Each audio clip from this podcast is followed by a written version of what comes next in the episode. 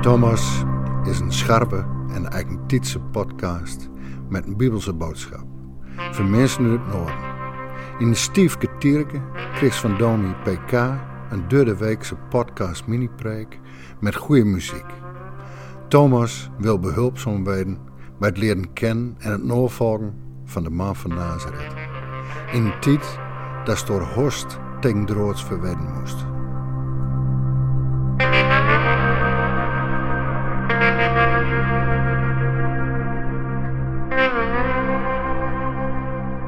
In 2018 raakte de bekende Nederlandse zanger dood dan in opspraak. Uit onderzoek bleek dat hij vanaf 2011 zijn beeldvorming op social media manipuleerde met hulp van 140 nepaccounts die zich actief voordeden als zijn fans.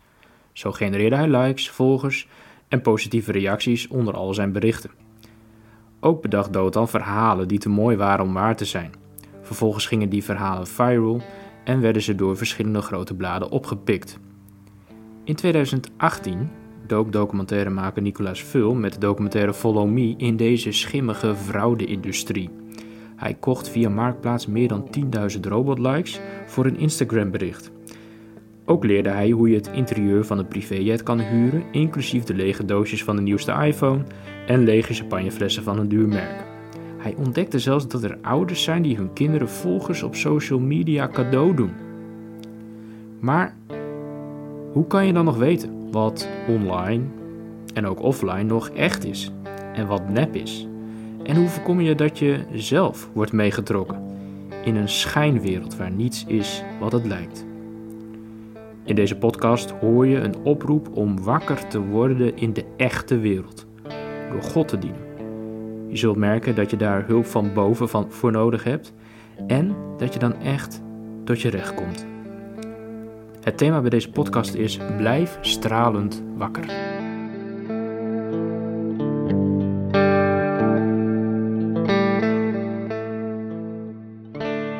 Lood hij de geen wat wies mogen.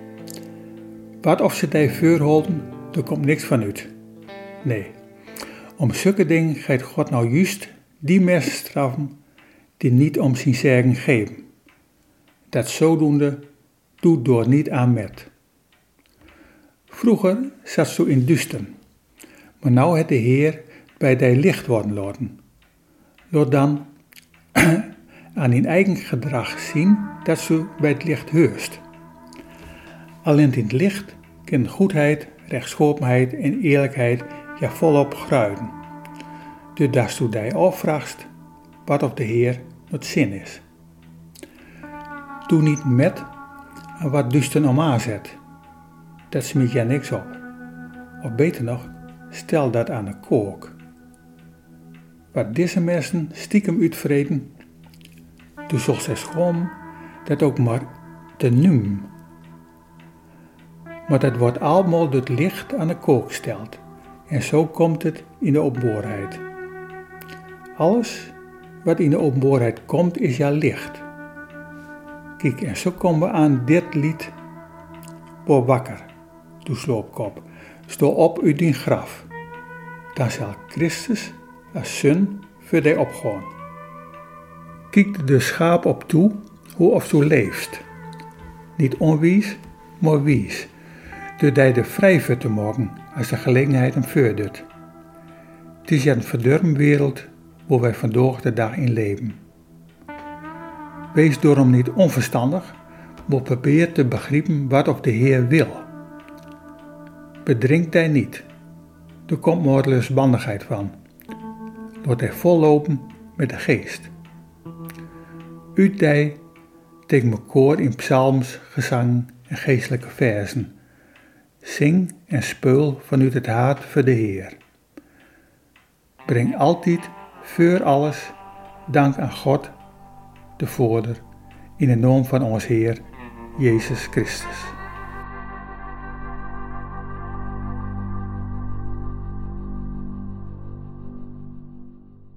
Word wakker, sta op uit de dood en Christus zal over je stralen. Deze woorden van Paulus kunnen een in die tijd bekend doop- of paaslied zijn geweest. Het zou kunnen dat Paulus twee teksten uit Jezaja heeft samengesteld tot één citaat. Het zou ook allebei tegelijk waar kunnen zijn. Maar wat bedoelt hij er eigenlijk mee? En wat kan je ermee als gelovige vandaag?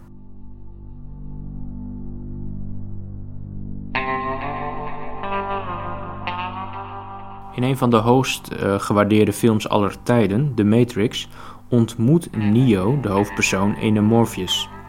De laatste maakt aan Neo duidelijk dat hij, zonder dat hij het weet, leeft in een schijnwereld. In werkelijkheid is hij namelijk helemaal niet wakker, maar wordt hij door een vijand in slaap gehouden met hulp van een softwareprogramma. Zijn hele leven is dus niet echt, maar een droomwereld. Nadat Morpheus dit aan Neo verteld heeft, stelt hij hem voor de keuze. Of je neemt de rode pil en wordt wakker in de echte wereld om te helpen in de strijd tegen het kwaad. Of je neemt de blauwe pil. Dit gesprek wordt dan gewist en je leeft zorgeloos weer verder in de schijnwereld.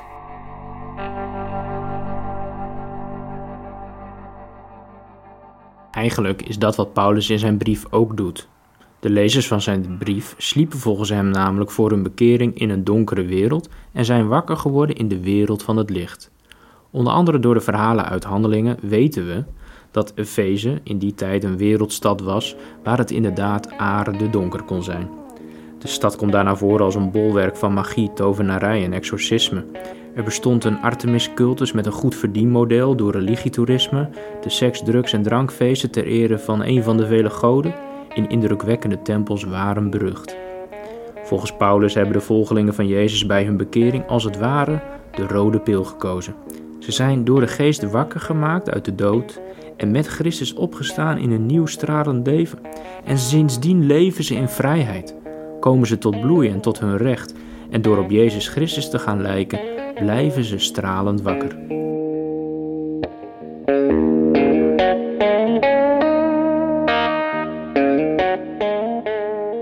In die tijd en omgeving was er dus echt een zichtbare verandering wanneer je christen werd. Je leven werd totaal anders. Jij en ik wonen in een land waar het christendom eeuwenlang van grote invloed is geweest. En dus zijn die verschillen, vermoed ik, vandaag minder goed zichtbaar. En toch is deze tekst ook nu actueel. Want net als toen is er altijd, wat je met Paulus de dreiging van een terugval zou kunnen noemen. Dat je weer indut, droomt of in slaap valt. Daarom roept Paulus je op om actief het licht te blijven zoeken. Je te richten, te focussen op Jezus Christus. Dat kan je doen door het kwaad te ontmaskeren en te bestrijden door het goede te doen. Vergelijk het met een zonnebloem die met de zon meebeweegt en zo blijft bloeien. Of denk aan tropische aquariumvissen, die je in het donker nauwelijks ziet, maar in het licht weer kaatsen ze prachtige kleuren. Door Jezus Christus te volgen in je dagelijkse leven, blijf je stralen. Daar heb je zelf dus invloed op, want je kunt eh, shoppen, Netflixen, roddelen, jaloers zijn, ruzie maken. Maar je kunt ook vrede stichten, geld delen of iemand iets gunnen. Stralend wakker blijven betekent dat je nuchter met beide benen op de grond staat. Je bent niet bang voor de toekomst. Geeft anderen niet van alles altijd de schuld. Blijf niet altijd boos. En pak je verantwoordelijkheid in het koninkrijk van God. Word wakker en sta op wil zeggen: leef. Leef zoals je door God bedoeld bent. Wees wie je bent en doe je niet anders voor dan je bent.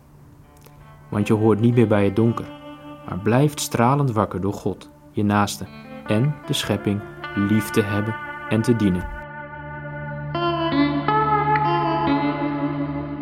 Maar uh, is het eigenlijk niet arrogant, of misschien wel onaardig, om te zeggen dat iedereen die Christus niet kent min of meer slaapt?